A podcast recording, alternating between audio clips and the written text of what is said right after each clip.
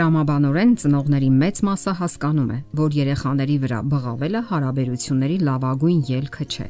սակայն նրանք չեն կարողանում զսպել իրենց եւ բղավում են։ Ստացվում է, որ ծնողների անզսպությունը դառնում է սխալ դասերակցության հիմք եւ մեծապես ազդում է թե երեխայի հոգեբանության եւ թե ծնող-երեխա հարաբերությունների որակի վրա։ Այո, երեխաները անկատար են եւ սխալներ են թույլ տալիս։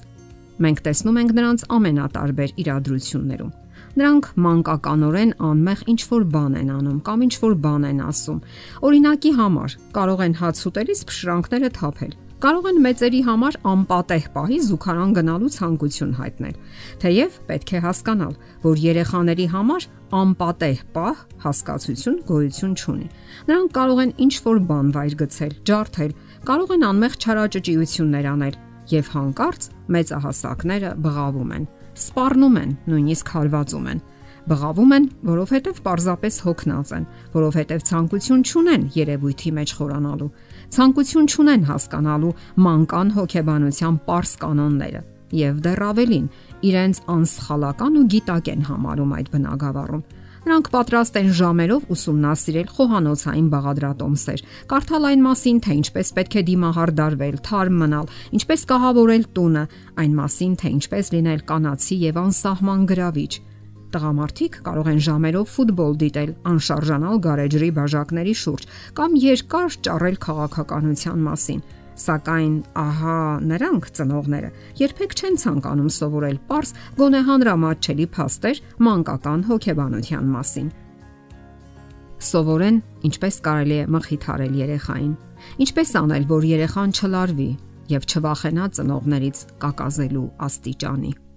Ծնողները պարտավոր են հասկանալ, թե ինչ է նշանակում ֆիզիկական, հոգեբանական եւ հուզական բռնություն։ Նրանք պետք է հասկանան, որ վախեցած երեխաները սովորում են մեկ ընդմիշտ զսպել, թաքցնել իրենց պահանջմունքները, իսկ դրա արդյունքում նրանց ներսում կուտակվում է հսկայական քանակի ագրեսիա, որը կդրսևորվի մեծանալուն զուգընթաց։ Երեխաները մեծանալով հիմնախնդիրներ կունենան ծնողների հետ՝ լարվածություն, անըմբռնողություն եւ վերջապես խորթացվածություն։ Կան տարիքային չափանիշներ, որ դուք պետք է իմանաք։ Փոքրիկ երեխաներն օրինակ չգիտեն, թե իրենք երբ են ցանկանում զուգարան գնալ։ Հնարավոր չէ պարտադրել, որ նա գնա մեր ցանկացած ժամին։ Հարկավոր է հասկանալ, որ 5-ամյա առողջ տղան ըստ նորմայի չի կարող անշարժ կանգնել ու չշարժվել։ Աղջիկները նույնպես։ Շատ ծնողներ պատկերացում անգամ չունեն, որ 4-ամյա երեխան չգիտի թե ինչ է նշանակում երկար, ինչ է նշանակում կես ժամ, Իսկ ահա երբ ծնողները այդպիսի բաների համար բղավում են նրանց վրա, նրանք պարզապես ամոթի զգացում են ունենում եւ իրենց մեղավոր զգում մի բանի համար, որի մեջ իրականում մեղավոր չեն։ Հետո ինչ որ ծնողը հոգնած է եւ չի կարողանում զսպել իր հույզերը եւ չբղավել։ Եվ այդպիսի ծնողին դժվար է բացատրել, որ երեխաները երբեք խավության նոխած չեն իրենց հոգնության կամ սոցիալական հիմնախնդիրների համար։ Ծայրահեղ իրավիճակներում ինչ են առաջարկում այդպիսի ծնողներն իրենց երեխաներին։ Միայն ամոթ զգալ, նվաստացում եւ մեղավորություն այն դեպքում, երբ իրենց անհրաժեշտ է սատարում, մխիթարություն եւ օգնություն։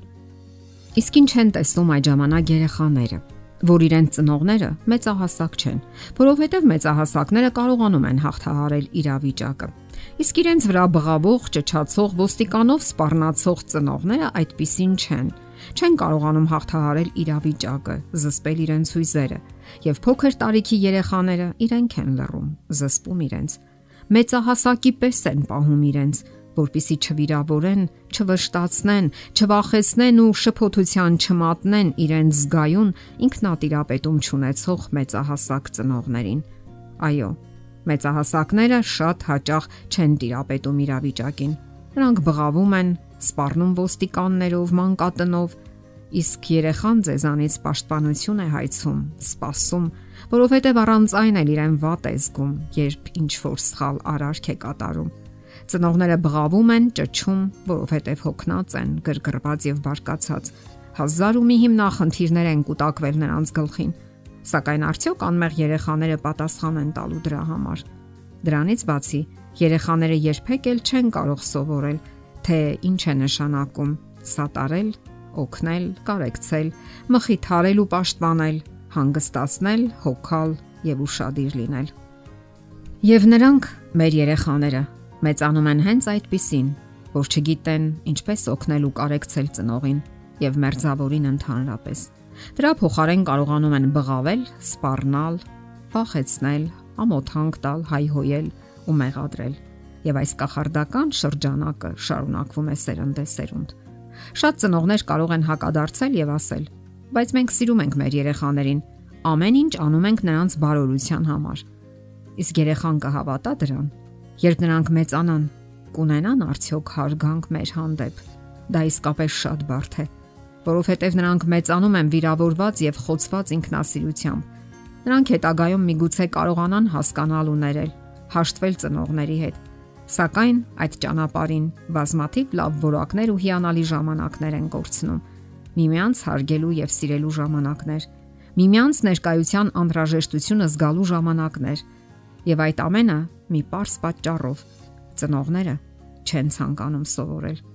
Սովորել ինչպես պետք է հասկանալ, թափանցել երեխայի անկրկնելի པարզ ու վճիտ աշխարը, սիրո